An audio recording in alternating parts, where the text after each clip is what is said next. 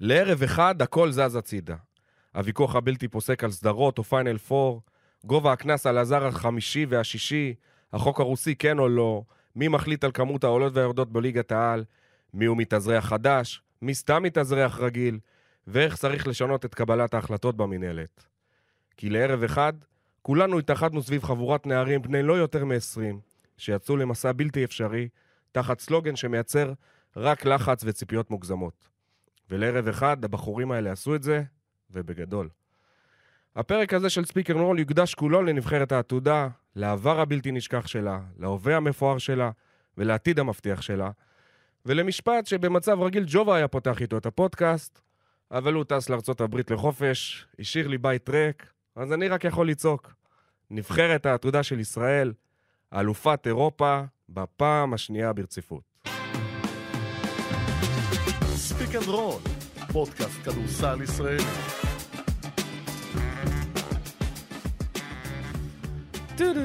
ספיק אנד רול, פרק 10, 22 ביולי 2019. מי חשב שנשב כאן אחרי זכייה נוספת באליפות אירופה עד גיל 20? ג'ובה טס לארצות הברית, ואת מקומו ימלאו לא אחד אלא שניים. יקירי הפודקאסט עודד אלפרין ועמרי מנהיים.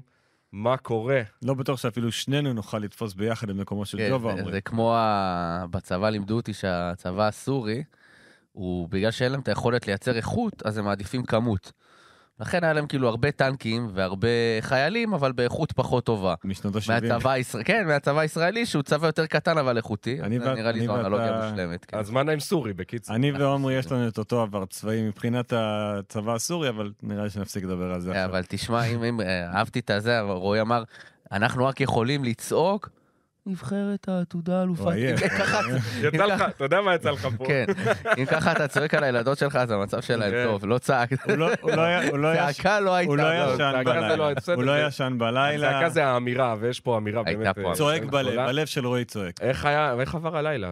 תגידו לי אתם. אני יודע איך עבר הלילה, תכף אני אספר. תגידו אתם איך עבר עליכם הלילה. נראה לי שהיחיד פה שלא עבד בלילה זה עודד. אני נכון, היחיד שלא עבדתי, אני מוכרח להגיד שהייתי גמור. היה שבוע מאוד מאוד אינטנסיבי מבחינת עבודה, וחזרתי הביתה, 11 וחצי, סגרתי, לא, לא הדלקתי אפילו את הטלוויזיה, והיום ב-6 וחצי בבוקר קמתי, כבר היה לי שידור קפיצות למים, אז קפיצות לא היה לי, לא היה לי הרבה זמן. מצוק או רגיל? או רגיל? מצוק, מצוק. אבל לא מצוק, ממקפצה של מטר? 27 מטרים. אה, אוקיי. שזה טירוף מוחלט, אוי, אבל לא אוי. קשור ב- בכלל למה שאני עושה.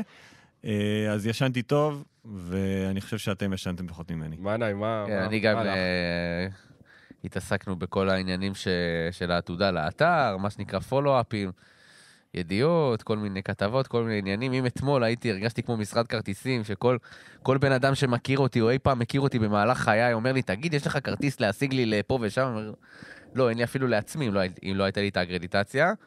אז היום הפכתי למין אה, חדר בארבע. אני כבר, אפילו לא- אין את השלב של המינגלינג. של טלפונים. טלפון רז אדם, כן. סימן שאלה. טלפון ים הדר, סימן שאלה. טלפון זה מכל התוכניות וכל ה... אז, אה, אז אפילו לא ניסיתי עושים לו- לתפקד, כן, ניסיתי לתפקד בכל הכובעים. אפילו לא מרככים לך. את הפנייה. אז אני אתמול כן. גם, אה, אני אני ליוויתי את ה... חגגת בשלוותה. אני הייתי בשלוותה עם השחקנים, ועם לבן. ועם לבן פטרוביץ' האגדי. אה, ואתה בעיקר רואה, אה, אתה רואה ילדים. כאילו, אנחנו מדברים על ההישג הזה, ואנחנו תכף ננתח אותו מכל הכיוונים, אבל בסוף בסוף, זה חבר'ה בני 19-20, שאתמול יצאו לשתות ולחגוג, שהם אלופי אירופה, ואתה... ואתה מבין כמה הדבר הזה מיוחד וכמה זה, הד- הדבר הזה אה, יפה, וזה זורק אותנו לתחילת הטורניר. ידענו שיש כמה שחקנים טובים לנבחרת הזאת, ידענו שיש ים הדר ודני אבדיה ויותם חנוכי וצוות מסייע טוב. אני לא חושב שמישהו מאיתנו, גם דיברנו על זה במהלך, אה, חשב שזה יסתיים ב-back to back. אה, איך הדבר הזה נולד, עודד? דיברנו על זה בתחילת הטורניר, ואני אגיד את זה גם בסיומה של הטורניר. לא ידענו מה רמת הנבחרות, וגם מה רמת הנבחרת שלנו, בגלל המאפיינים של הטורניר הזה. המון שחקנים צעירים שלא משחקים באופן סדיר בקבוצות גדולות, אלא בקבוצות מילואים, בליגות משנה, ליגו, ליגה שלישית בחלק מהמקרים, ואף אחד לא באמת יודע מה קורה עם דינמיקה של טורניר שמגיעה נבחרת ומתחברת לה יחדיו. לא ידענו מה יהיה עם נבחרת ישראל, ולא ידענו מה יהיה עם הנבחרות הזרות. חשבנו שסרבה תהיה נבחרת מעולה, והיא ירדה לדרג ב', נעזוב את זה בצד איך זה קרה. נבחרת סרביה לא צריכה לרדת לדרג ב', אבל הדינמיקה של הטורניר, ההפסד לאוקראינה ואחרי זה ההפסד לבריטניה, שבר אותה.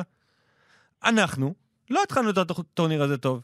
הפסד לסרביה, כמו בשנה שעברה, אגב. הפסד הפסדנו לס- לגרמניה נכון. בשנייה האחרונה. אבל לא היינו טובים בשלב הבתים בכלל. גם בניצחון על אוקראינה לא היינו טובים. היינו בפיגור 15, ואם לא מפגן הירואיות של רז אדם, יכול להיות שאנחנו מפסידים את המשחק הזה, ולא מדברים על מה שאנחנו מדברים היום.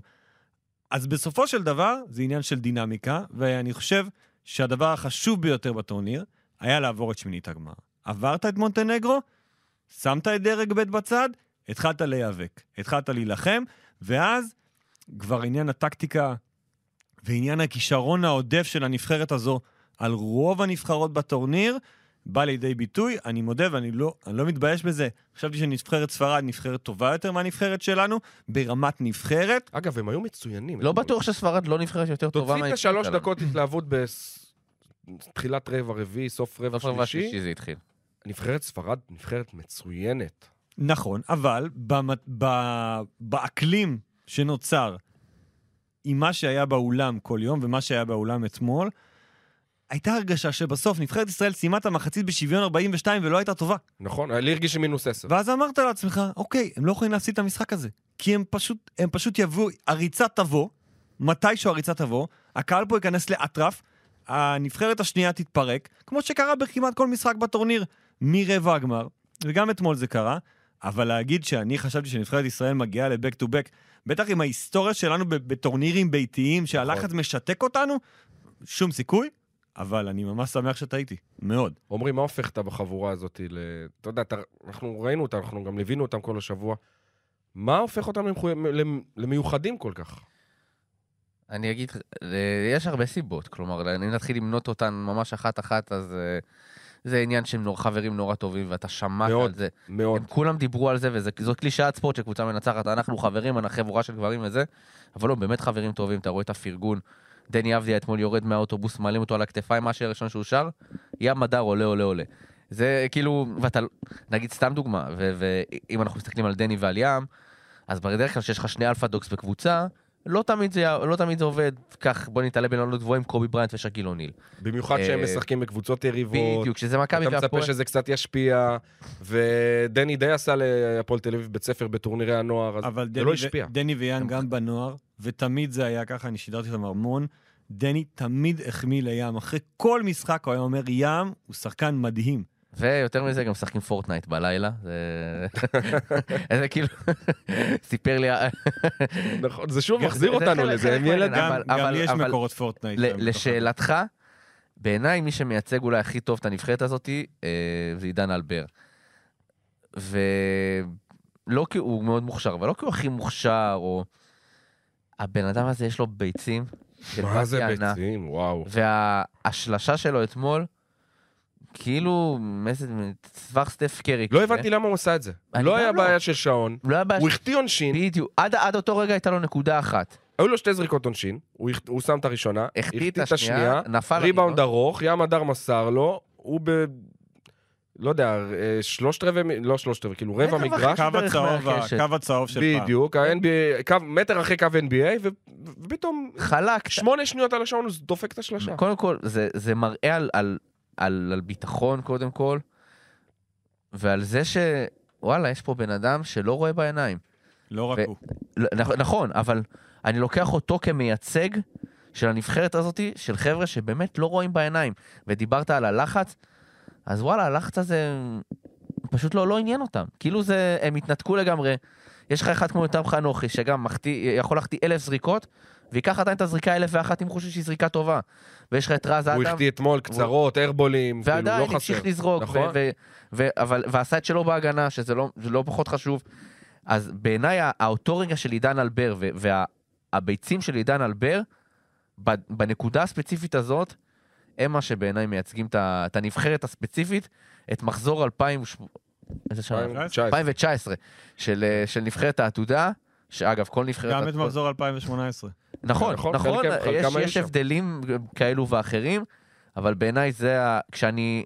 כשיום אחד יעשו סרט על האליפות, אם, אם יעשו דבר כזה, בעיניי השוט הפותח זה הסל של עידן אלבר, הזריקה המשוגעת הזאת, הנפת ידיים שלו הצידה, ואחר כך מתחילים את כל הבלגן. ב- אחרי המשחק נגד אה, ליטא, אם אני זוכר נכון, שהוא עלה מהספסל ובאמת סחב את ה...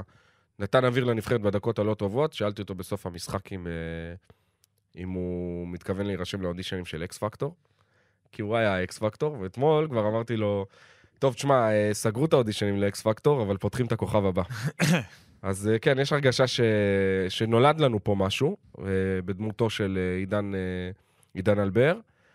אה, מדברים הרבה על הנבחרת הזאת ושל 2018 לעומת 2000 ו-2004. זה דברים שרק בראי הזמן אנחנו יכולים לדעת. כי היום אנחנו מסתכלים על הנבחרת של 2000, מבינים נגד מי הם שיחקו, ואנחנו מסתכלים על 2004 ורואים איזה קריירות היו לשחקנים שהיו שם, ואנחנו מבינים שאלה היו נבחרות ענקיות. אם אנחנו נסתכל על נבחרת של 2019 ו-2018 עוד עשר שנים, איפה הנבחרות האלה יהיו ביחס ל-2000 ו-2004? טוב, עשיתי תחקיר. זה לא תחקיר, רק הוצאתי את הרשימה של השחקנים בשתי הנבחרות הקודמות, 2000 ו-2004. אז בנבחרת של 2000, אני חושב שאין אין ספק לגבי העובדה שזו הנבחרת, נבחרת העתודה הטובה ביותר שהייתה לנו מבחינת כמות השחקנים שהיא הוציאה ואיכות השחקנים שהיא הוציאה. אבל זה שוב, בראי הזמן אתה יכול להגיד. בראי הזמן בזמן אמת לא יכולת להגיד. בראי הזמן. נבחרת שמוציאה את בורשטיין, ואפיק ניסים, ויניב גרין, ואת ארז כץ, ומשה מזרחי, ואיציק אוחנון, ואורי יצחקי, ואיתי לב, וכולם היו שחקנים משמעותיים בליגת העל, בשלב זה או אחר, חלק מהם משמעותיים בנבחרת ישראל. כל השחקנים, גם שחר גורדון, גם צפריר וולפר, למרות שלא עסק הרבה, היו בשלב זה או אחר בליגת העל. זו נבחרת שממש מיצתה כמעט את כל הפוטנציאל שהיה בה. לעומתה, כשאתה הולך ל-2004, אתה אומר, אמנם נולדו פה שני, שלושה כוכבים, יותם, רביב וליאור, אבי בן שמעון, שחקן ליגה נהדר, ארבעה כוכבים. וליפשיץ, שגם הוא, היו לו עונות בסדר בליגת נכון. העל. אבל היו שם שחקנים, כמו גלעד הירש, כמו מיכה ברגיג, אילון זגורי, אפילו אנטון קזרנובסקי וולדי ירמישן ששיחקו בליגת העל, אבל לא היו אף פעם פקטור חשוב בכדורסל הישראלי. גלעד הירש, אגב, היה הבטחה מאוד גדולה, נכון. אם אני אני, אני, נכון. אני, נבחרת 2004 זה המחזור שלי. אה, איגור סימין גם היה שיחק איתי בקבוצה, אז אני באמת מכיר אותם אה, מבפנים ומבחוץ. אה, אתמול כתבתי שבעיניי דני וים מאוד מזכירים את יותם ורביב, ואנשים כאילו צחקו, הם לא הבינו. הם לא זוכרים מה היה יותם הלפרין בגיל הנוער. יותם הלפרין היה super super superstar, ברמה שאמרו שהוא יהיה ב-NBA, ואמרו שהוא הולך להיות השחקן הישראלי הכי טוב שהיה פה אי פעם. אז שוב, אני, לא, אני חושב שדני הוא אחר, אבל להוריד מיותם הלפרין ומרביב לימונד, שנלחמו אחד בשני בנוער באותם שנים, כמו שהיום ים מדר ודני אבדיה, זה לא נכון בעיניי. זה משהו שהוא, לא בטוח שהוא זהה, אבל הוא בטוח דומה. אז 2000 זה משהו אחד, באמת נבחרת אדירה, 2004 נבחרת עם אולי שחקנים הטופ, החוד יותר טוב. 2019, שים שנייה עד 2018 בצד, יותר מזכירה לי את הנבחרת של 2004. כן. כן. בגלל שיש בה חוד של דני וים, חוד מובהק, של שני שחקנים שאמורים להגיע, אחד מהם הכי רחוק אי פעם, והשני אנחנו לא יודעים מה התקרה שלו, ים הדר. אנחנו אגב, לא זה- יודעים. שאלה מעניינת שהעלית לי עכשיו, תוך כדי שאתה מדבר, ים הדר היום קונה קריירה כמו של יותם אלפרין? או שהוא ב- צריך לשאוף קצת יותר רחוק? אני חושב שבעיניים עצומות. כן? בעיניים עצומות. אוקיי. יותם אלפרין לא הייתה לו קריירה טובה, ככדורסלן הייתה לו ישראלי. קריירה מדהימה. אוקיי. השאלה אין אם פה בכלל אני... שאלה- השאלה אין פה אם... בכלל שאלה. אני חושב שים. הדר, אם יצליח להגיע להיות רכז ביורוליג, היום, בעידן שאיך שהיורוליג נראה, ולא בקבוצה ישראלית ביורוליג, הצגה.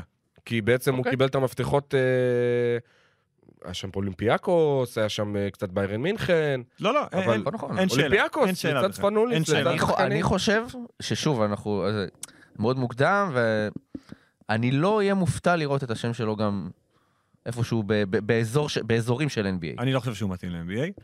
זו אבל, אה, דעתי האישית, אה, למרות אה, ההשתפכויות של שמיץ, שהן מאוד מאוד חשובות עבורו. זה עושה לו שם בכל האתרים. מי שלא מכיר, מייק שמיץ, המומחה של דראפט אקספרס, שייך ל-ESPN, הוא היה פה בטורניר, הוא מפרסם תמיד על פי התחזיות שלו, למעשה איכשהו קובעים את המוק דרפטים וקובעים נכון, את הוא כל מה ש... וג'ונתן גבעוני כן, הם שעובד באמת איתו שני האנשים ביחד, הכי חזקים. ב- מובילי דעה מה- מהרמה הכי גבוהה שיש ב- אז העובדה שהוא רשם עליו... בעולם. הסקאוט. הוא רשם עליו כל כך הרבה דברים במהלך הטורניר, עושה לים הדר מאוד טוב. אבל לים הדר, בגודל הנוכחי שלו ובשיטת המשחק, אני בטוח שיש לפחות 100 אמריקאים כמוהו. לפחות. בניגוד לדני אבדיה. אבל שוב, חושב, לא ניכנס לזה, זה פחות, בג- זה פחות רלוונטי. בגלל שדני היה על הרדאר באמת מגיל צעיר. אה, אני לא יודע אם זה בגלל אבא שלו, או בגלל אה, אה, אולי נתונים טבעיים טובים יותר, אז אה, ים עושה מסלול יותר ריאלי מבחינת התפתחות של שחקן. זאת אומרת, פורץ בטורניר מסוים, רואים מה הוא שווה, מה הוא יכול לתת פחות או יותר, יודעים מה הוא צריך לחזק, שזה בעיקר את הפן, את הפן הפיזי, וכליאה מטווח רחוק יותר מחצי מרחק, כי חצי מרחק יש לו כליאה אה, מצוינת. אה, אפשר, לח... אפשר לנסות לנבא איך תיראה הקריירה של אה, ים הדר, איך? אבל באזורים של קרוב ליותם אלפרין, אבל אני כן מתחבר למה שעודד אמר, שהוא אמר משהו שאי אפשר לדעת מה התקרה שלו. נכון. זאת אומרת, אתה יכול להגיד שזה פחות או יותר באזורים, אבל אתה לא יכול לדעת פתאום איך הדבר הזה יתגלגל, ואם הוא פתאום נותן עונה טובה בהפועל תל אביב, פתאום uh, מתחיל להיכנס למוק דרפטים, ואז זה יכול ללכת לכיוונים, uh, לכיוונים אחרים. אגב, אם סוגרים את הסיפור של הנבחרות, נכניס גם את 2017, אוקיי? גם כן, נבחרת נכון, גדולה. שלנו. מסתכלים על השלוש שנים האלה, מי אתה אומר יהיה שחקן, באמת שחקן? יובל, אין שאלה. תמיר? תמיר בלאט, גם. מה תמיר בלאט, מה התקרה של תמיר בלאט? האם הוא יכול לצאת... מה זה אומר שחקן בהגדרתך? סליחה. אז זהו, אז, שאלה כבר מה הציבור רוצה. הציבור היום אומר, אוקיי, ים הדר, פתאום מדברים NBA, מדברים יור... הוא לא... הוא שחקן של עשר דקות בליגת העל. זה שהוא היה טוב בטורניר עתודה, נגד גילאים שלו. חשוב ככל שזה יהיה, זה לא פקטור מבחינת מה שעומד מולו בליגה, סלש במפעלים האירופיים הקטנים. תמיר בלאט בליגת האלופות התקשה. התקשה. ותמיר בלאט נחשב, אני חושב, פרוספקט יותר גדול מים הדר לפני תחילת האליפויות. נכון. אולי היום הבלנס קצת השתנה, ועדיין יש לים הדר המון עבודה. אז אתה מסתכל, אתה אומר, אוקיי, זוסמן, תמיר בלאט, דני כמובן. דני, לא, ב-2017 דני לא היה. לא, אני אומר, אבל. בשנתיים האחרונות, אוקיי. אתה מסתכל all around, למה לא הולך? תמיר, יובל, דני, ים. זו הרביעייה. מסתכל מסביב, יש לך שחקנים כמו ארצי, שזה יהיה שחקן ליגת העל ליגת העל, לגיטימי. אחלה. והוא הוא הולך ומשתפר. אובר, שחקן בבעיה, אנחנו לא יודעים לאן הוא הולך. דניאל קופרברג שאמור לעשות קופרברג קפיצה. חוזר לליגת העל. רואינה היה בשתי הנבחרות, ועכשיו אתה רואה אותו כבר נוסע לפינלנד. לא, גם בסוף שאלה. ייגמר כן. בלאומית, לא? אתמול בדיוק גילינו את פוצץ זה. כנראה פינלנד, פוצץ אבל פינלנד. זה זה לפודקאסט אחר כבר. אוקיי? כן. ואני חושב שאם אם אני שם בתוך הרביעייה הזו, אני, השחקן החמישי שאני מוסיף זה מייקל בריסקר. שאותי מעניין באופן אישי. השאלה היא, עמרי, אם ב... אנחנו מסתכלים בראי של שנתיים, שלוש, ארבעה, חמישה שחקנים שהם חוד חנית, אם זה מספיק. ברור, אני חושב שכן. ברור, איזה שאלה. אנחנו, תראה, יהיו עוד שחקנים שיבואו אחר כך. נכון. לא, אבל אני אומר, אגב, מבחינת שחקנים שאתה יודע שהם יהיו שחקני נבחרת בוגרת, יש לך ארבעה, חמישה שחקנים. אני רק מזכיר, לפני, לפני שנפתח את הזווית הזאת, את התחקיר שעשיתי בשנה שעברה. 20% משחקני העתודה משנת 2000 קפצו לנבחרת הבוגרת, 70% היו בקריירות של ליגת העל. אני חושב שזה מספרים סבירים. בטח, זה מספרים מצוינים, כי אל תשכחו, אין לנו פה יבול כמו שיש בספרד, כמו שיש בליטא, כמו שיש בסרביה, שאומנם ירדה- לדרג ב'. אנחנו בסך הכל ישראל, ואנחנו מדינה קטנה, וזה שאנחנו מכל שנתון, או בוא, נ- לא שנתון, בוא ניקח את כל הבלוק הזה, בלוק הארבע, חמש שנים האחרונות, כי נגיד לו שנ- כביכול שדור, אז יש לך ארבעה שחקנים שבוודאות יהיו שחקני נבחרת מובילים.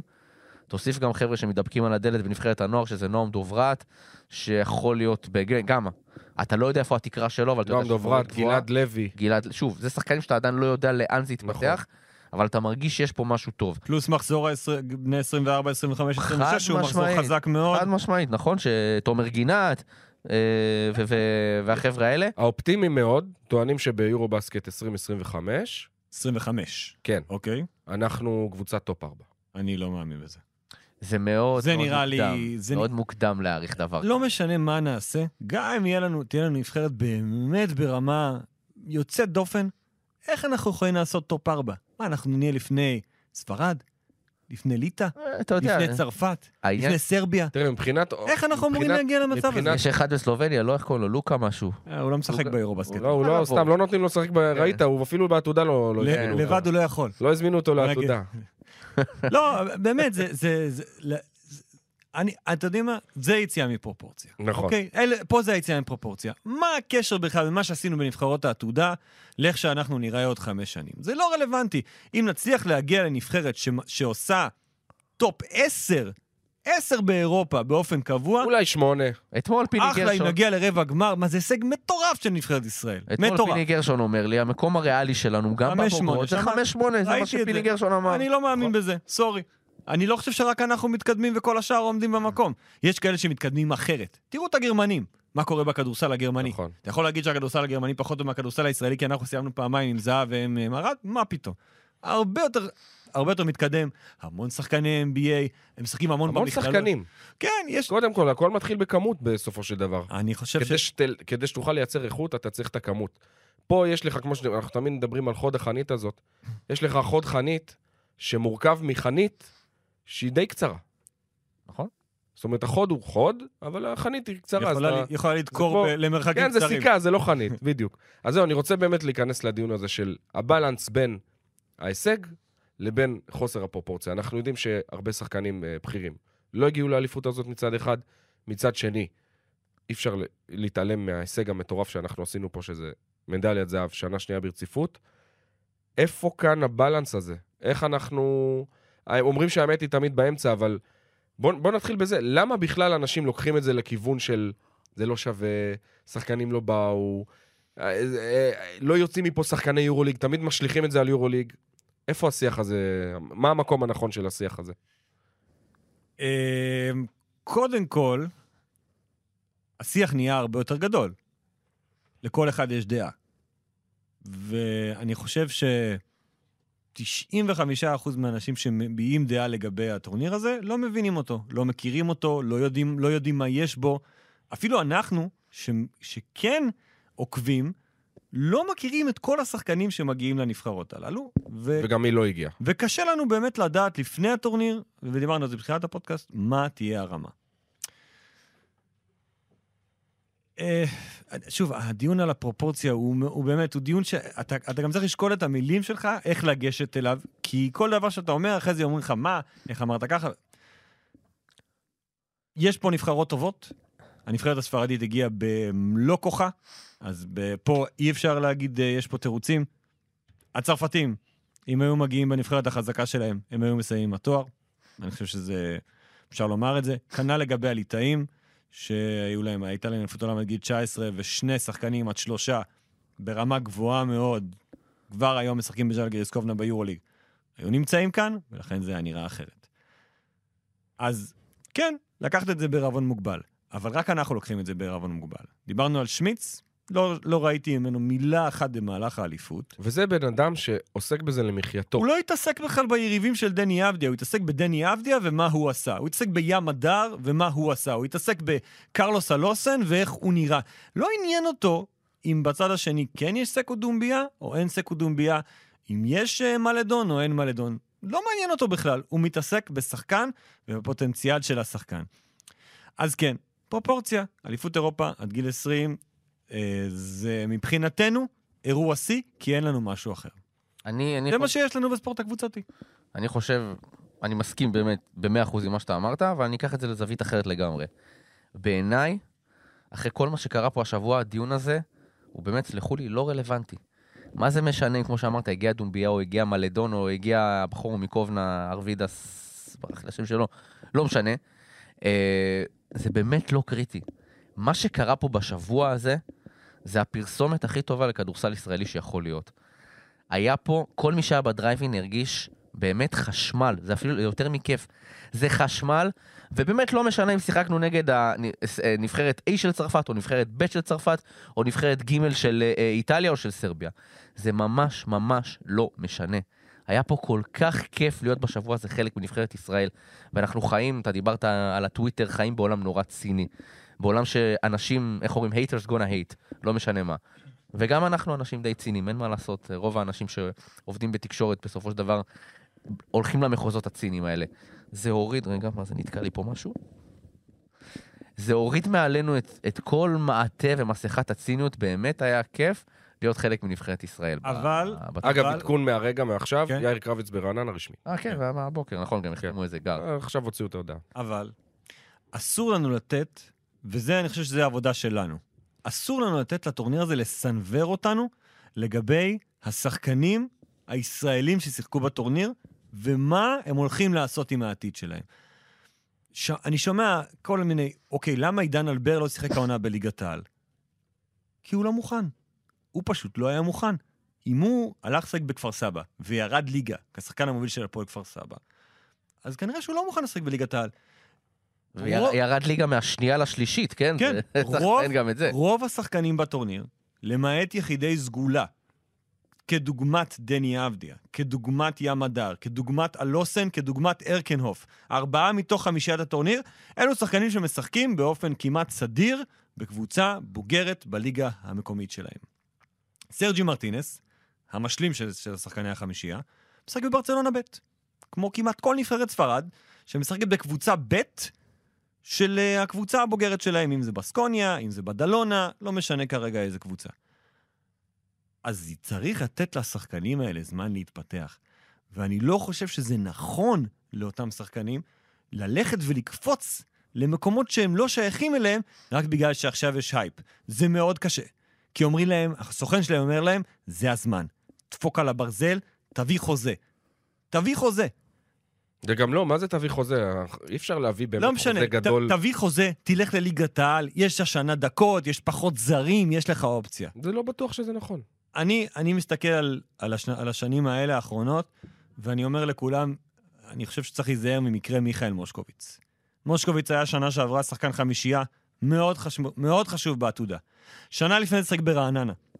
לא היה טוב ברעננה בלאומי. הגיע לרמת גן גבעתיים, לא מצא... הגיע את לרמת גן גבעתיים, לא מצא את עצמו, הלך, הושאל אחרי זה לעוד קבוצה, הוא עבר לנתניה, גם לא מצא את עצמו. מיכאל מושקוביץ הוא דוגמה לשחקן שבחר לא נכון. הוא הלך לקבוצה שרוצה לעלות ליגה, הפועל רמת גן. הוא צריך ללכת לקבוצה, והוא זה שם קוד לכל שחקני הלאומית, שתפתח אותם. קרביץ בחר נכון בעיניי. מה אתה צריך לשבת על הספסל של הפועל באר שבע, אם בכלל היו רוצים אותו, כשאתה יכול ללכת, והשנה לקבל מאבנר יאור, והוא יקבל מאבנר יאור את המפתחות, אם כרכז ראשון, אם כרכז שני אחרי גיא לביא, להדריך את הקבוצה. לקחת קבוצה ולהרגיש איך זה, ואז אחרי שאתה בשל יותר, כמו בני ובריסקר השנה, יאללה ליגת העל, שכבר הם מיצו את הליגה הלאומית. הליגה הלאומית זה לא גנאי, הליגה הלאומית זה ליגה שאפשר להתפתח בה אם אתה שחקן שיודע שחסר לך דברים. לא דני, לא ים, לא יותם חנוכי. דרג ב', שחקני המשנה. עידן אלבר הוא סימן שאלה. אז זהו, אתמול יצא לי לדבר אה, גם עם עידן אלבר, גם עם עמית זיז, ותומר פורת, ונועם אביבי. אה, נועם אביבי, אב- אגב, יישאר בלאומי, תומר פורת גם כן ברעננה, אה, אבל עידן אלבר, למשל, הוא רוצה ליגת על. ו... רוצה דקות. רוב הסי... הוא הוא רוצה, והוא אמר לי, אני רוצה דקות בליגת העל. מצד שני, באותה נשימה, הוא אמר, יכול להיות שגם אני אהיה חלק מהסגל של מכבי תל אביב. ומה הוא יעשה שם?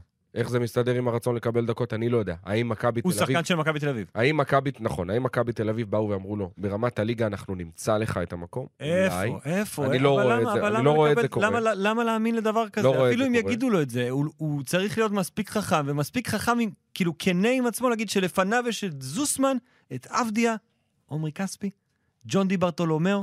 ג'ייק כהן, לא משנה כרגע, לא, לא, אתה יודע מה? אין עומרי כספי. ג'ון, ג'ייק, יובל ודני. זה ארבעה שחקנים ישראלים, שיש ישראלי אחד על המגרש היום לחובה, ומכבי לא תשתף יותר, אלא אם כן זה יהיה משחקי ליגה, אתה יודע, זניחים, שהם מנצחים בגדול, כשהם יצטרכו את ההרכב הכי חזק, הם ישימו את ההרכב הכי חזק, לא מעניין אותם הלאומיות ומי משחק. אגב, כמה מילים על אה, מכבי תל אביב בהקשר הזה. אה,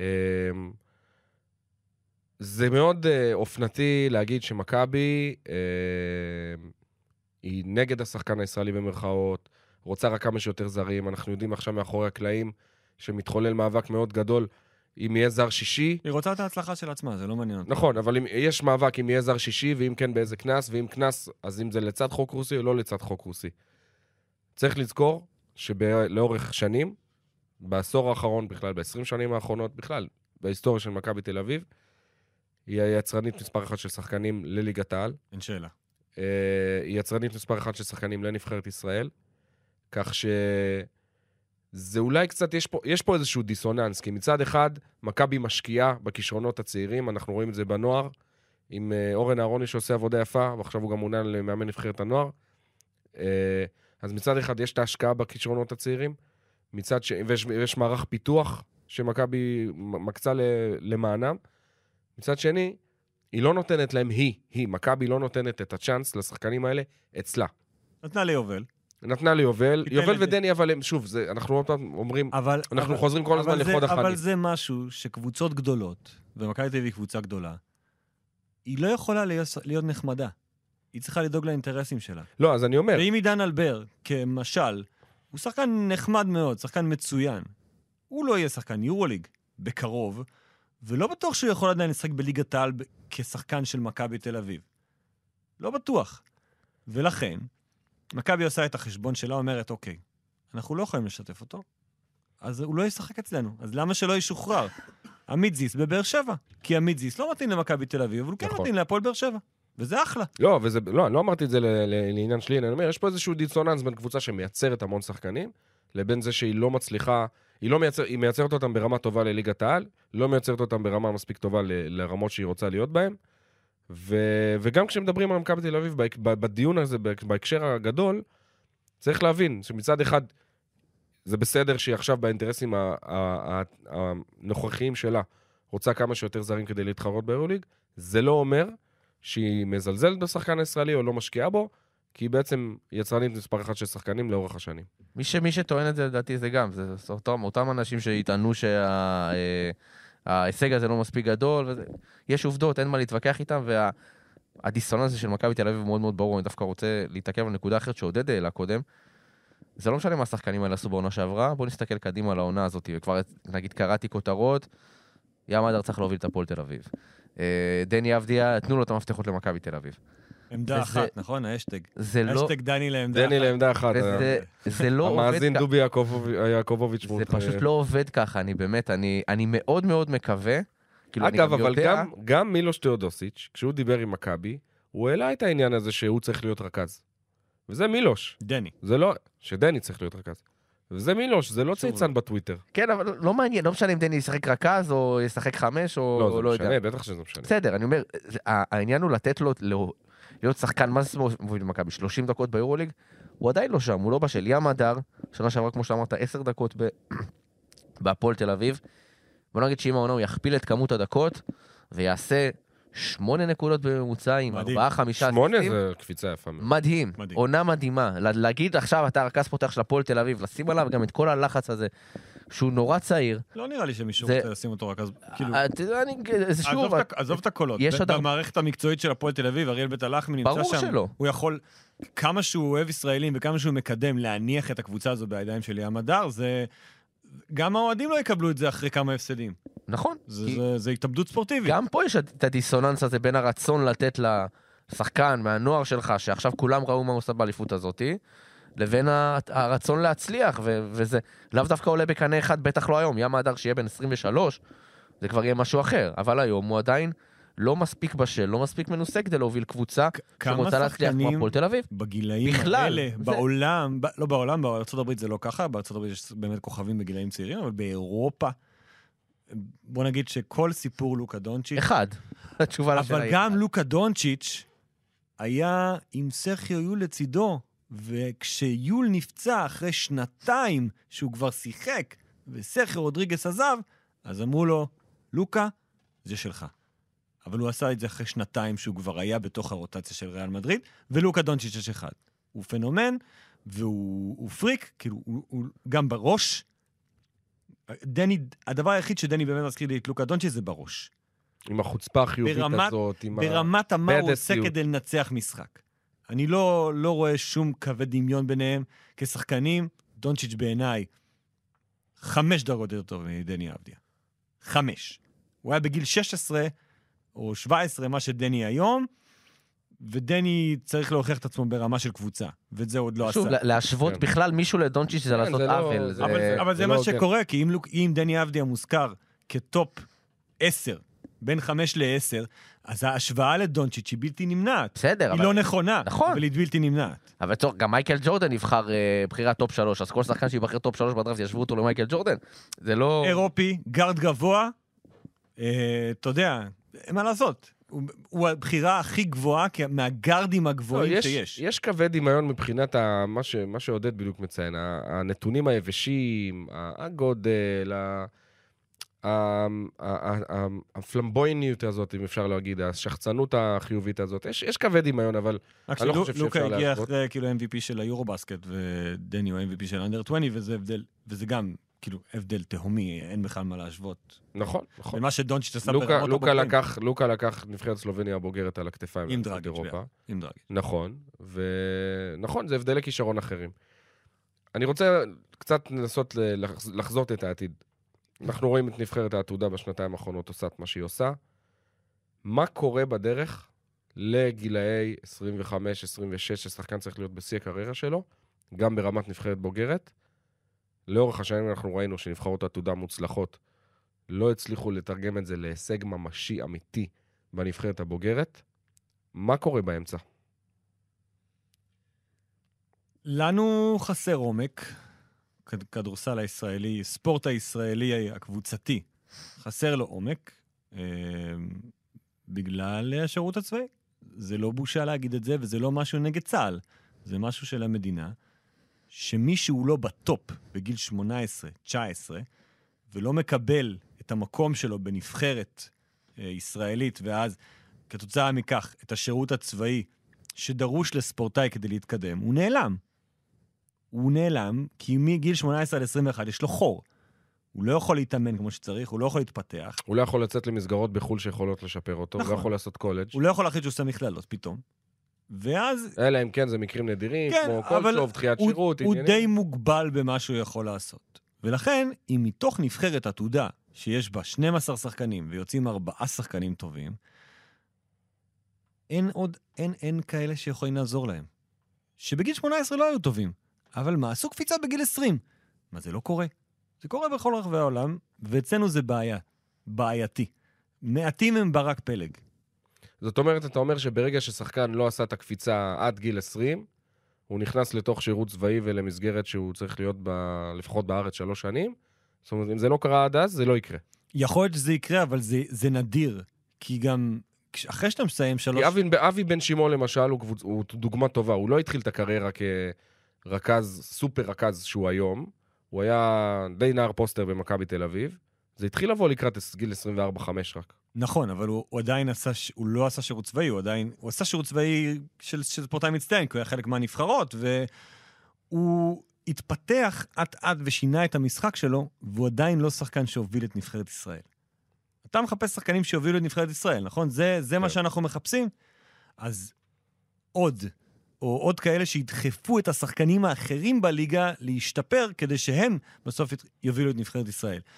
אני חושב שמתוך שלוש השנים הללו, אין ספק שאנחנו נראה פירות עוד כמה שנים. גם אל תשכח שיש לנו גם, נכון הצבא כל העניין, אבל אל תשכח שיש לנו גם איפשהו באמצע, בין השנתון של, אה, בוא נגיד 87 כזה, של 87-88, שזה יוגב, כספי, מקל, כל החבר'ה האלה, יש בור די קטן. בור.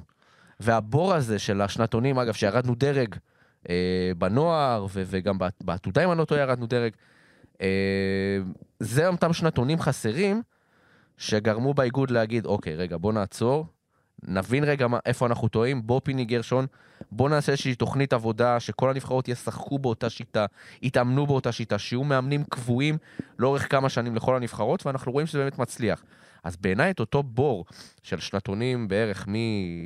תעשה לי, תעזור לי רגע, 90 עד 95 פלוס מינוס, שאין שחקנים יותר מדי טובים. עכשיו אנחנו רואים קצת את תומר גינת, שהוא גם סוג של late bloomer, כן, מהבחינה הזאת שהוא לא היה איזה כוכב גדול בנבחרות תומר הצעירות. גינת, אגב, הוא דוגמה לאיך ששחקנים יכולים להתפתח במדינה נכון. הזאת, דרך הליגה הלאומית, וזה לא בושה. אם אתה טוב בליגה הלאומית ואתה תהיה שם טוב שנה, שנתיים, אז הקבוצה הבאה, הבאה, תסמוך עליך, תיקח אותך, תראה שעשית, הצלחת, יופי. אנחנו מוכנים להמר עליך לעתיד. וזה...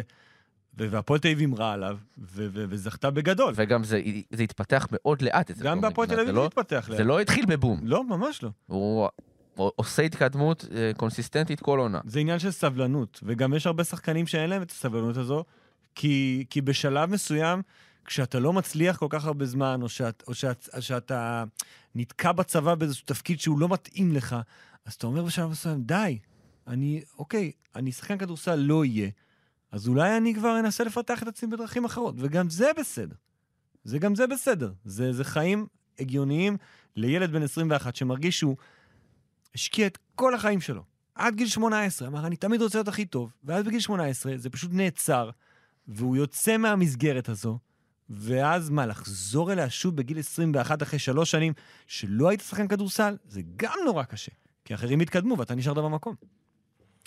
אז לדעתי, לסגור את הנקודה הזאתי, בעוד חמש שנים, כבר לא יהיה לנו לדעתי את, את אותם שנתונים חסרים, כי אנחנו רואים שבערך בכל שנה שני שחקנים טובים, אפילו שחקן וחצי טוב זה מספיק כדי לבנות נבחרת שתרוץ פה הרבה שנים, אז אם דיברת על אורובסקט 2025, אפשר להעריך פלוס מינוס, אם כמובן אף אחד לא ייפצע ולא יהיה איזוש- איזושהי התרסקות אה, מפוארת, אז יש לך את דני אבדיה ויש לך ים הדר ויש לך אה, זוסמן ונוער שאלה. גם כמה דני יוכל לשחק בנבחרת ישראל. סביר בוא נ- בוא להניח שלא. לך שהוא יוכל, וטי.ג'יי ליף. למה שהוא יוכל? אם הוא עושה קריירת NBA, במה הוא יהיה שונה מכספי? אה, לא יהיה שונה. אז לא, כספי הגיע לקמפיין אחד גדול אז בעשור יכול, האחרון. בוא נקווה שגם דני, בוא נ- בוא ניתן לך שהוא יוכל לשחק. בפוטנציאל. בפוטנציאל, בדיוק בפוטנציאל, בוא אבל בוא נחלום. שנים הראשונות זה לא יקרה, כי זה תמיד להוכיח את עצמך ומחנות ועניינים. אין בעיה, אני מדבר על... בוא, נ... לא בוא, בטוח, בוא אני נגיד לא- שאם הוא מגיע, לא אם. אנחנו עולים ליורו בסקט 2021, אמ, שיתופו של דני אבדיה בטורניר הוא בספק. נכון? יש שנה שנייה שלו ב-NBA, מי יודע מה יהיה בשנת הרוקי שלו. יכול להיות שהוא יבוא ויגיד, חברים, אני לא יכול, אני הולך לקראת שנה מאוד חשובה, כמו שאנחנו רואים עכשיו שחקני NBA שמוותרים על אליפות העולם. קרה עם שחקנים פחות פרוספקטים ממנו, כמו גל מקל למשל, שרצה להיות מוכן לעונה נכון. הראשונה שלו בדאלאס, אז ויתר. ולא התייצב לקמפיין. אני, אני, זה קשה, זה לא נעים, אבל... אה, אבל זה מתקבל בהבנה. אבל זה הקריירה כי- שלהם, נכון. זה הקריירה שלהם, זה החיים שלהם, ואי אפשר, אי אפשר להגיד להם, אוקיי, תנטשו הכל כדי לייצג את נבחרת ישראל, ותוותרו על, לא יודע מה, גם מלא כסף, וגם אה, אה, מקצועיות. אני, אני חושב שקשה להסתכל קדימה על מה שיהיה בנבחרת ישראל, נגיד עוד כמה שנתונים. אני מסתכל נגיד על נבחרת הלטבית, שיש להם דור זהב מדהים בנבחרות הבוגרות, אבל uh, נבחרות הנוער והעתודה שלהם בשנתיים שלוש האחרונות מאוד מאוד בירידה. הם פשוט, הם בצניחה. וזה עניין של בור, ולכן גם אנחנו לא יכולים לדעת מה יהיה עוד ארבע שנים. יכול להיות שגם לנו יהיה בור עוד פעם. אנחנו צריכים לקחת את המחזורים האלה ולנצל אותם עד תום, שאנחנו נעזור להם והם יעשו לנו, להפך. ו- ולנסות להתקדם, לייצר, להגיד חמש, שמונה, לייצר מטרות, זה... זה, זה, נראה לי, זה נראה לי מכניס את, ה, את הכדורסל הישראלי לאיזושהי עמדה שהוא יכול רק להפסיד ממנה. תנו להם להתקדם, תנו להם להשתפר. בואו נגיע לטורניר, בואו נראה מה אנחנו שווים לעומת אירופה. לאט לאט, בלי, בלי להעמיס, להעמיס עוד ציפיות ועוד ציפיות ועוד ציפיות. אני קצת מרחם על השחקנים שיהיו שנה הבאה בנבחרת העתודה. שזה פחות או יותר אותן שחקנים. נבחרת דומה, בלי אותם דני, שחקנים, סביר להניח שדני לא ים יהיה. הדר יוביל אותה, עם עידן אלבר. אה, אולי יעלו איזה מישהו מהנוער. אה, נועם דוברת, עולה. נועם דוברת, נועם. דוברת, אה, סביר להניח שיעלה. כן, שוב, זה, נבחרת שיהיה לה המון לחץ, ומה קורה אם פתאום מגיע הפסד, מגיע כישלון? אז עוד פעם נחזור לשיח הזה, כדורסל הישראלי לא מספיק טוב, רק דני אבדיה זה מה שהיה שווה בנבחרת הזו. אנחנו צריכים לשמור כל הזמן על הבלנס בין מה שאנחנו רואים בטורנירים האלה לבין המציאות, שהיא מציאות אה, לא כל כך פשוטה עבור השחקנים הצעירים הישראלים, ו... ולאן הם הולכים, כי גם הם אה, תלויים בחסדי החוקים פה, וכל עוד אין חוקים, גם הם לא יודעים מהי הבחירה הנכונה מבחינתם.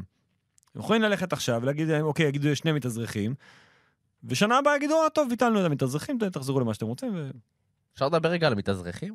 לא. לא? מתאזרחים היום. נכון? לא. אבל כאילו, לי זה באופן אישי מאוד מציק, כל השיח הזה סביב מתאזרחים, כן, מתאזרחים לא, כי אנחנו או חוזרים על זה כל, כל הזמן, אבל דני אבדיה הוא בן של מתאזרח, שאם ישראל לא הייתה מקבלת אותו בזרועות פתוחות, לא היה פה היום. ראיתי ציוץ אה, פופוליסטי אתמול בנושא הזה, תרשה לי לא להתייחס לפופוליסטיות. לא, לא, לא, כי- זה לא פופוליסטיות בכלל. לא, אני לא אומר, תמיר לא בלאט הוא בן של ספציפית. מתאזרח, ובריסקר הוא בן של לא, מתאזרח. הכל בסדר, אבל אני לא חושב שזה צריך להיות בכלל חלק משיח של הנה, תראו, מי שמוביל אותנו היום הוא בן של מתאזרח, אז בואו נפתח את שערינו למתאזרחים. לא, לא אמרתי... מדינת. ישראל, יש, יש, יש, יש פה חוקים, מי שמגיע לו להיות... מי שמגיע לו להיות אזרח הוא אזרח. נכון, זה הכוונה. הליגה רוצה לעשות מנגנונים שיאזנו את הדבר הזה, וזה בסדר. להשוות את המס, הכל טוב ויפה. אני רק אומר, עזוב רגע של עזוב מס, כל הקטע, התקנה החדשה, הקנס על זה, אוקיי, זה בסדר, זה מנגנוני איזון שהם לגיטימיים. אני חושב שהשיח פה שנוצר, שכאילו המתאזרחים מונעים משחקן ישראלי צבר להתקדם, הוא, הוא שיח שהוא שווה דיון נפרד לגמרי, אבל, אה, אבל הקו בין אה, לרצות לקדם שחקן שגדל כאן לבין להגביל אה, שחקנים שהצטרפו ושלא תיחשד בשנאת זרים, הוא קו מאוד מאוד דק. זה, אבל זה בכלל לא מהמניע הזה, זה הכל מניע כלכלי, אין פה, אין פה עניין בכלל נכון, של... זה רק של עניין זה רק כלכלי. עניין כלכלי, ו, ובסוף זה...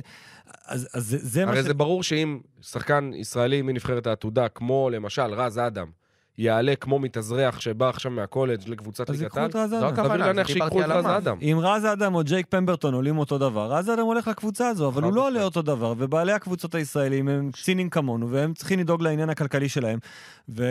ואני אני לא הולך איתם, אבל קשה לי להאשים אותם, כי בסוף הם בעלי המאה, וזה, וזה הכסף שלהם. אני יכול להגיד להם מה לעשות עם הכסף שלהם? לא. אני לא יכול, אבל אם יהיו חוקים שיסבירו להם כמה הום גאונס יש ומה עושים, אז יכול להיות שזה מה שיסדיר את הסיפור הזה, וזה יהיה גם גזעני, ו- וזה בעיה, אבל יכול להיות שאין ברירה. אז אני רוצה לסיים בטון אה, חיובי. אה, הולך להיות אה, לפנינו שבוע, שבוע קרנבלי, אפשר לומר, ויהיו קבלות פנים במשרד ראש הממשלה ובבית הנשיא, והמון ממלכתיות הולכת להיות, ואז, רגע, אין דברים... ואז אפשר- קצת אנשים יתחילו עוד פעם עם אפשר הציניות. לדבר על דברים כאילו פחות טובים בנבחרת הזו? בנבחרת העתודה? מאיזו בחינה? מבחינת השחקנים, ואולי כאלה שהתאכזבנו מהם. אני לא יודע, אני צריך לשאול את ליז אם יש לנו זמן, כי אני רואה שיש לנו זמן. כמה זמן? גג, רבע שעה? לא, אין לי-? אין לי כל כך הרבה דברים לא, שליליים. אבל כן, אנחנו נהיה פחות. לא, אבל אני אני חושב שצריך באופן כללי לדבר, אם נסגור את הפודקאסט הזה, מה אנחנו מצפים מהשחקנים בשנה הבאה, משחקני נבחרת העתודה. נעבור אוקיי. שחקן-שחקן? נעבור שחקן-שחקן. יאללה, נתחיל עם דני? יאללה. אז אני אני כבר צייצתי את זה, אז אני אגיד את כל מה שחשבתי, פשוט אני אגיד את זה פה. בקרוב, בטוויטר כן, של עודד כבר-. כבר צויץ בלילה. אה, אה, בעצם הפודקאסט הזה הוא פרומו, פרומו מהלך לטוויטר. לטוויטר של עודד אלפרין. לא, לטוויטר כן. באופן כללי. אה, שחקן מוביל במכבי בליגה? מוביל. כן, פלוס רוטציה יורוליג. כן. אוקיי? ב- ברמת הדקות... בוא נגיד מבחינת נתח דקות 20 כמו זוסמן. מעל 20 ב- ב- בליגה. בליגה לפ- לפחות, למרות שאין חוק רוסי, זה מה שיהיה או מה מה שצריך להיות? שצריך להיות. ציפיות, לא לא מה יהיה. ביורוליג. ביורוליג רוטציה, אה, לה- להחלטת המאמן, אבל הוא צריך לשחק. הוא צריך לקבל את האופציות שלו. אם הוא לא יהיה טוב, אחלה, תוציא אותו. אם הוא טוב, תן לו לשחק. ת- תן לו את הצ'אנס הזה, תבחן אותו. 34 משחקים, זה המון. המון. יהיה משחקים שהוא יוכל לשחק בהם. ים הדר, דיברנו על זה מקודם. חושב. כן, 15 עד 20 דקות? קל. שמונה נקודות. בסדר, עזוב את הנקודות. אה, 15 הוא עד 20 ישר, דקות. הוא ישר הולך לנקודה. נתון ש... שהכי מדהים בעיניי, עיבודים? שקראתי, אסיסטים מול עיבודים, ישראל ראשונה באסיסטים, בטח. אחרונה בעיבודים, וים הדר אחראי באופן די ישיר על הנתון הזה, לדעתי זה המבחן שהוא ייבחן בו בעונה הבאה. כמות אסיסטים מול כמות עיבודים, כי עם כל הכבוד לגארדים ששמרו עליו פה, של צרפת ושל אה, אה, ליטא, הוא ייתקן בכל מיני גרי בראון רמירזים כאלה שיציקו לו ופול סטול ואלכס המילטון, או חבר'ה גדולים או חבר'ה נורא זריזים שיהיה לו קשה מולם, וזה זה המבחן שלו. וכשאומרים להוביל במרכאות, זה הכוונה שלו, זה הכוונה. היכולת שלו להתמודד עם שחקנים שכרגע הם יותר טובים ממנו. יותם, חנוכי. הסימן של העולה הכי גדול, אני חושב, של הנבחרת, ברמת. ליגת העל. בריאות, זה המפתח. אני אתמול גם דיברתי איתו על זה, הוא יודע שזה עדיין לא שם. הוא יודע שזה לא... הוא לא ניגש למשחק ולמהלכים מסוימים כמו שהוא רוצה לגשת אליהם. עדיין הפציעה יושבת בראש. איזה עמדה הוא? 4-5 בליגה שלנו, אבל הוא חייב להיות יותר, אם אתה שואל אותי, יותר 3-4. שני דברים לגבי אותם, קודם כל אני, יצא לי בעוונותיי לראיין אותו לפני האליפות. בעוונותיך. התאהבתי בו, באמת, ברמת ה... לא חושב שהיה בחור כל כך צעיר שהצליח להרשים אותי כמו- כמוהו, ברמת איך שהוא מדבר ומה שהוא אומר, אז לפחות מבחינת את מבחן האישיות, בעיניי הוא, הוא כבר שם לגמרי. שאלתי אותו איזה עמדה הוא מעדיף לשחק, הוא אמר לי שלוש. רוב הטורניר הזה הוא שיחק חמש, בעניין אה, עניין של אילוצים. אבל הוא מראה יכולות שעם ה... הוא סטרץ', הוא יוצא, נכון. הוא בורח אני חושב שהוא- לשלושות. אני חושב שהוא יותר הוא- ארבע, אבל ה- אבל העניין הוא ש- ההבדל בין ארבע לשלוש קולע, לא, העניין הוא... כמעט ולא קיים. אני חושב שהעניין הוא כרגע. ברגליים שלו, הוא, לא, הוא, לא ז... הוא לא יכול לזוז עדיין. כדי להתמודד עם שחקן, הוא צריך לשמור מה? על, על גולן גוט? הוא יכול לרוץ אחרי גולן גוט בטוח. בחסימות? יהיה לו קשה, זה נכון? בעיה, לא כרגע הוא לא שם. והוא היה שם. כשהוא היה צעיר יותר, הפציעות, באמת, אני שידרתי אותו. כשהוא היה בכיתה ט', הוא היה אתלט, הוא היה משחק אחד. והיום הוא חמש בעל כורחו, כי, הגוף שלו לא מחזיק אותו. אז זה, זה, זה... מזלו שהוא בגלבוע. כן. מזלו. הוא, הוא יקבל את הצ'אנס מליאור, אני- ליאור לובין, אני בטוח בזה, ליאור דוגל בפיתוח גם הקפטן, שחקנים, זה- והוא שחקן בית, ו... ויגידו, זה יהיה הוראת מועדון לקדם את יותם. ובגלבוע ייתנו לו לטעות. כלומר, לא, אף אחד לא יאכל לו את הראש ולא ישתה לו את הדם אם הוא יהיה לא טוב משחק, שניים, שלושה, אפילו עשרה. ייתנו לו לטעות, ילכו איתו קדימה. אה, כמו חואקין, כמו שאנחנו עם חואקין. ובאמת, אה, רק שיהיה בריא, ואגב, עוד אנקדוטה לגביו, שרצה בטוויטר, סוף המשחק, הוא הולך, אה, נראה לי היחידי בכל הנבחרת שהלך ללחוץ הוא ורז אדם. אחד אחד אדם. של ספרד. מאוד לא אהבתי את זה. שמה? אני לוקח את זה לכיוון חיובי. שרק הם הלכו? כן. כל הכבוד לך, נופל. הם היו, הם היו, הנבחרת שלנו הייתה בחגיגות באטרף, והנבחרת הספרדית חיכתה על המגרש שילחצו להם ידיים. לא הלכנו ללחוץ ידיים, הספרדים לא אהבו את זה. היה גם את ההתגרות של דני בסוף, שאני לא בטוח שהוא. התכוון לזה. הוא אמר הוא להם, כאילו לא הוא אמר להם אדיוס. הוא עשה להם, כן, הוא אמר להם, הוא עשה להם אם- שלום. למי הוא התכוון אם-. למי הוא התכוון אם הוא לא אומר לא, לס- לספרדים אדיוס? אז זהו, אני לא יודע, לא, לא יודע אם הוא תכנן את זה, כאילו, זו הכוונה. אגב, בסוף המשחק הוא מסתובב שם בחוץ, מחוץ לדרייבין אה, ערום, והוא עלה בטעות לאוטובוס של ספרד, וואי, וואי. אם זה לא מספיק. גירוש ספרד, אה, כן. גרסת 2019. אה, המשכנו. מי הבא בתור? רז אדם. לא. זיס. אני לא מדבר כל עמית. זיס. כי זיס נשאר בליגת העל, וזה מעניין. בכלל מעניין מה שקרה עם זיס. הוא התחיל את השנה שעברה בהפועל חיפה ליגה לאומית, לא הסתדר, עבר לבאר שבע, ושם התחיל לשחק. הרי זה הפוך. נכון. והשאירו אותו לעוד עונה. ובתוך באר שבע, אה, אני חושב שרמי אוהב אותו. ולכן הוא השאיר אותו בניגוד לקרביץ, לא בגלל שהוא לא אוהב אותו, הוא יותר מתאים לו, וראינו את זיס עושה דברים מאוד יפים בהגנה, שזה הטיקט שלו שם צריך להיות, הוא צריך לשמור. והוא יכול לשמור מאחד עד, אני חושב, ארבע. ארבע ארבע. ברמת בוגרים. ארבע. על הגופייה שלו כתוב סוס. לפעמים הוא נראה כשהוא שומר כמו סוס לפעמים. לעומרי יש תיאוריה לגביו. כן. אתה יכול לפרסם אותה? אה, ב- ב- במהלך ה... מה, מה, אם לא פה אז איפה? לא, לא, בסדר. במהלך. העונה אנחנו נפרסם אותה. הוא הוא מתעסק איתו. אה, אבל עמית לדעתי מאוד מתאים לשיטה של רמי אדר, וגם יש איזשהו עניין של בחירת הקבוצה, לא דווקא הליגה, הקבוצה, שאתה תבוא לידי ביטוי בה בצורה אופטימלית. אה, קח את גיל בני ובריסקר, שהיה להם אחלה ברעננה. זיס לבאר שבע זאת התאמה מצוינת, אני לא בטוח שהוא יהיה מתאים כמעט לאף קבוצה אחרת בליגה, וגם מבחינתו להתקדם זה לקבל עוד קצת יותר דקות, ולהרוויח את הזמן שלו דרך ההגנה. מי הבא בתור? קרביץ ופורט הולכים ביחד לרעננה, נכון. החלטה אחלה. תומר פורט עבר טורניר אה, מוזר, הוא פתח כשחקן מפתח, סיים כש- כשחקן... היה טוב בגמר. סיים כשחקן מפתח. זה קלע את הסל הכי מדהים שראיתי בתקופה האחרונה. מאחורי הסל. מאחורי הקרן, שלישי. כמו בספורטק. אם קלטת את זה. אי אפשר להפסיד. אני חושב שזו החלטה נכונה של שניהם. כן, קרביץ. שוב, קרביץ גם יש לו שם את גיא לביא איתו, שזה כמו שגיל בני קיבל את אה, גיא לביא לפניו, בשנה שלפני שגיל כן. בני לקח את המפתחות. ב... אני לא בטוח, אה, יכול להיות שקרביץ יקבל רכז מוביל שם. גיא לביא הייתה לו עונה לא, לא קלה, אני מניח ש... רביץ יכול לשחק גם שתיים. כן, לצידו. אבנר, אבנר יאור יודע לטפל בשחקנים צעירים, אני, אני אוהב את ההתאמה הזו. אה, תומר פורט אה, גם, רעננה בבנייה מחדש, זו קבוצה אחרת לגמרי, על- הלך לה כל ה... כל ה... נכסים. בני ובריסקר היו ה- באמת הקור שלה, הגרעין. אה, אז סבבה שניהם. רז אדם, החלטה שאלו, סופר נכונה. כולם שואלים למה הוא לא הולך לליגת העל, אבל הוא לא- הוא עדיין לא שם. לא, לא. הוא עדיין לא שם, הוא עם התלהבות נכון? והגנה, וה- וה- ובאמת אחלה בחור. יכול להגיד שנהריה ככה מאוד. עשו איזושהי בדיקה לגביו, אם כן, לא. הוא מעדיף להישאר בליגה הלאומית. הוא לא היה השנה שחקן מוביל בנתניה, הוא היה שחקן שמיני. אם הוא יעשה את הקפיצה ויקבל את המפתחות כרכז ראשון בנתניה, זה מבחינתו מה שהוא צריך לעשות, ונתניה תהיה קבוצה צעירה, בדיוק, קבוצה של. שחקן אמיתי, בטוח שתדגול בג... בגיבוש הישראלים. אני לא יודע, אני לא מת על זה ששחקן אמיתי לקחו את הקבוצה הזאת, אבל זה, זה עניין אחר, אבל בטוח שיש שם עניין של, של קידום הישראלים, אה, בטח מקומי כמו רז אדם, אז, אה, אז גם זו החלטה טובה מבחינתו. מה עוד נשאר לנו? נשאר לנו... אביבי? as, as we speak, מחר טקס בבית הנשיא. מה? מחר טקס ברבע אה, מחר... בבית רגע, בוא כן. נראה, בוא נראה, בוא נראה מתי. להכין את עצמנו, 10.45. כבר מעכשיו תתחיל לחפש שם חנייה. בסדר, אני אלך. עליי. אז אה, אביבי, נועם אביבי. אביבי זה עניין, כי לא ראינו אותו, הוא היה בליגה לאומית בכפר סבא, והוא יישאר כנראה לאומית. מה, יישאר? בוודאות בלאומית. הרצליה? הרצליה. החדשה? אגב, אגב, כפר סבא. זה מקרה בוחן מעניין, כי גם עידן אלבר וגם נועם אביבי היו בכפר סבא. גם פורט. פורט. וגם תומר פורט. ירדו קיבלו ליגה- דקות. וגם. אה. עידו שבת. יפה, והם ירדו לליגה הארצית. ירדו בגד... ב... זה- בלי, בלי, בלי אם- תנאי. אם אנחנו רוצים, בדיוק, ירדו 6,000 מחזורים לסיום הליגה הסדירה. ואם אנחנו רוצים נורת אזהרה ופרו, וכמות גדושה מאוד של פרופורציה, אתה לוקח את של, שלושת השחקנים האלו, אולי ארבעת השחקנים, כי עידו שבת היה אמור להיות, והוא נפצע. אתה אומר, הנה, נתנו להם להוביל קבוצה בלאומית, והם ירדו ליגה ללא תנאי.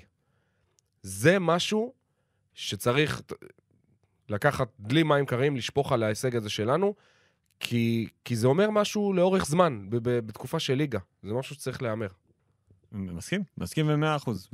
והליגה הלאומית היא ליגה לא פשוטה. אה, זה לא כל כך קל לשחק שם, יש שם הרבה חבר'ה צעירים, נקרא לזה דור ביניים, יש שם הרבה מבוגרים, ויש שם זרים שבאים להוכיח את עצמם, והם לוקחים את, נקרא לזה, את כל uh, מנת הכוח אליהם, והשחקנים הישראלים שפתאום נתקלים בהם, לא כל כך יודעים איך להתמודד עם זה. יש שם גם מתאזרחים שפתאום נכנסו בשנים האחרונות, מתאזרחים ברמה בסדר גמור יחסית לליגה לאומית.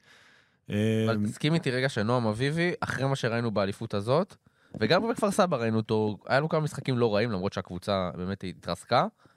צריך לתת שנה טובה בהרצליה, הוא תלוי בכלייה שלו. חד משמעית. אם נועם אביבי קולע והוא יכול להיות סטרש פור, ארבע וחצי כזה, והוא באמת קולע, אז זה לא רק הכלי, תשמע, יש לו מבנה גוף שאין הרבה זה שחקנים שחקן אה, שצריך להיות בעמדה בליגת שלו העל ובגודל בעיניי, שלו. תוך שנתיים, שלוש.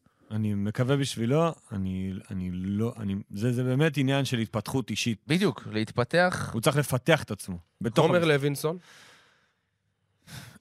סימן שאלה... אכזבת הטורניר, אה, אכזבת הטורניר נוכח מה שחשבו עליו לפני, לא נוכח להיות- מה שאנחנו ידענו. לא אמר- ראינו אותו משחק מעולם, נכון. אז למה שיהיה טוב? הוא היה אמור להיות בורג מרכזי יותר בטורניר הזה. אה, אני יכול להגיד שבעונה שלו בירושלים, יכולת המסירה שלו דווקא אה, התפתחה לממדים מאוד יפים. ראיתי גם באימונים של העתודה.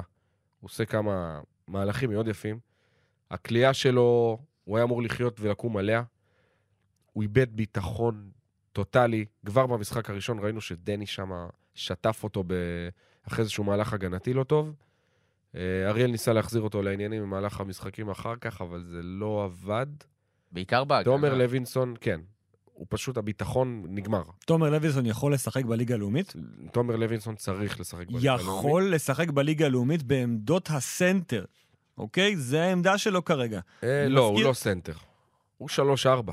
הוא, הוא, לא יכול, להיות הוא לא שלוש, יכול להיות שלוש במהירות של הרגליים שהוא מזיז. נכון. אז לצורך העניין, לצורך ה... סבבה, שנה שעברה- ה stretch 4, שנה שעברה, מבחינת גבוהים ישראלים בליגה הלאומית, היו קופרברג וסורקין, שניהם, אני חושב, אי אפשר להשוות ביניהם בכלל לתומר לוינסון, ויונתן מור. גם, משחק בארבע. כן. שחקן, למרות שיונתן מור בגוף הוא יותר חמש. אתלט, קולע משלוש, משהו אחר לחלוטין. אני לא בטוח שתומר לוינסון כרגע יכול לשחק ליגה לאומית. אז איפה הוא ישחק? שאלה טובה. ארצית? לא יודע. אני באמת, אני אומר את זה בצער. אני לא בטוח, וזה, הוא יותר דומה למושקוביץ פה. כי מושקוביץ אין לו עמדה, והכלייה שלו לא טובה, ופתאום הוא הגיע ללאומית, וגם בלאומית הוא לא מצא מקום. אז מה תומר לוינסון עושה עם המשך הקריירה שלו, ומה הפועל ירושלים עושה איתו? יש פה, זו הסוגיה הכי גדולה מהנבחרת הזאת, שקשה לפתור אותה. בניגוד לאופק מלכה, שאתה יודע ש... אז בוא אוקיי, נדבר על אופק אופק מלכה. מלכה, אה, הוא היה בהוד השרון שנה שעברה, לא ראיתי שהוא חתם לעוד עונה. עדיין אין בלי לו קבוצה. אבל סביר להניח שהוא יישאר גם בלאומית. שחר אמיר כנראה יישאר בלאומית. אופק מלכה צריך לחזור לנתניה. זה הקבוצה שלו. כנראה, תחזור כנראה ליד שזה רז אדם, יהיה תחזור ליד רז. אדם. אה, שחר אמיר היה בסדר בליגה הלאומית במשחקים שראיתי אותו ברמת גן, הוא שומר נכון, טוב, לא היה פקטור כן, בטורניר יש הזה. לו כליאה. אה, אני חושב שהוא שחקן אה, ש... שוב, אני לא בטוח שהוא יכול לעשות את הקפיצה לליגת העל, אבל בקבוצה הנכונה, בלאומית, יכול להשפיע. הוא, הוא role player. הוא שומר וקולע. לא דיברנו על השחקן, נראה לי הסימן שאלה הכי גדול, אה, עידן אלבר. דיברנו עליו. לא, אבל ב- ב- בסשן הזה. לא, לי זה אמרה שדיברנו עליו פשוט. יש מקום אחד שצריך לשחק בו שנה הבאה, וזה אשדוד. כי הולך להיות שם שלושה זרים. אילת? רכז מחליף לאבי? לא, בן צבי. נכון, בן צבי חתם, בן צבי חתם. רק, אך ורק אשדוד, שלושה זרים יהיו שם, גם אם יביאו עוד גארד זר, או שני גארדים זרים, לא משנה מה, הוא ימצא את המקום שלו. וברד- וברד אוהב. ברד ברד אוהב מתאזרחים, ואז- צעירים. הוא אוהב צעירים. אוהב צעירים. אני, וברד גם יכול מאוד לקדם אותו, ראינו מה הוא עשה לנמרוד לוי, נכון שזו עמדה אחרת לגמרי וזה שחקן שונה לגמרי, אבל כן, אם הוא רואה איזשהו חומר גלם טוב, הוא כן יכול לעבוד איתו, ונמרוד מדבר עליו עד היום בהערצה. אני מאוד מקווה שעידן אלברי ילך לאשדוד, ואם לא לאשדוד, אז לאומית, ולא ינסה לחרפש הרפתקאות באיזה נס ציונה כזה או נהריה, מקומות שאני חושב שהוא ישחק, מי- מי- הרבה, הרבה מי פחות. רכז עכשיו אז- בנהריה? אז בואו בואו נדבר, יביאו רכז אה, ד- מאוד מאוד דומיננטי, ויש את ניב משגב. אוקיי. נכון. אה, בואו נסיים ב- ב- בטעם טוב, עם אה, קצת להתרפק על על התרבות ספורט שהייתה לנו, ב- שהיה לנו בשבוע האחרון. אולמות מלאים, משפחות שבאות לראות משחקי כדורסל, אה, אה, אה, שיח ציבורי סביב, ה, סביב נבחרת העתודה שלנו. ליז כבר תכף תתחיל להכניס את הסיומת שלנו, כי אנחנו חותמים שבוע חלומי של הכדורסל הישראלי. חד היה פעמי. כיף גדול, חד פעמי. אולי חד פעמי. חלון הראווה היה מקסים. אני ואתה היינו כל משחק, עמרי היית גם כמה משחקים, הייתי חולה כן. ביתר שלא באתי. אבל נהנינו מכל רגע, מכל מה שהיה מסביב. מהעובדה שבאמת זה היה כדורסל ישראלי מזוקק, כמו שאנחנו זוכרים ששיחקנו, ואני קינאתי כל רגע בשחקנים האלה שהצליחו להגיע ולהראות מה הם יודעים מול הקהל בבית, ועוד להצליח, זה. אתה יודע מה מתסכל ולשבת עם אלפרין בפודקאסט? נו, שאני מוצא את עצמי מסכים לכל מה שהוא אומר. אין לי- אוי אני לא ואבוי, איזה בירמן להתווכח- נשמן זה, הוא ירצח לא- אותנו. אני לא מצליח להתווכח איתו על ה... בסדר, עמרי מנה עם עודד אלפרין, ראיתי רועי כהן, פיק אנד רול, סיימנו. יאללה אלופי אירופה.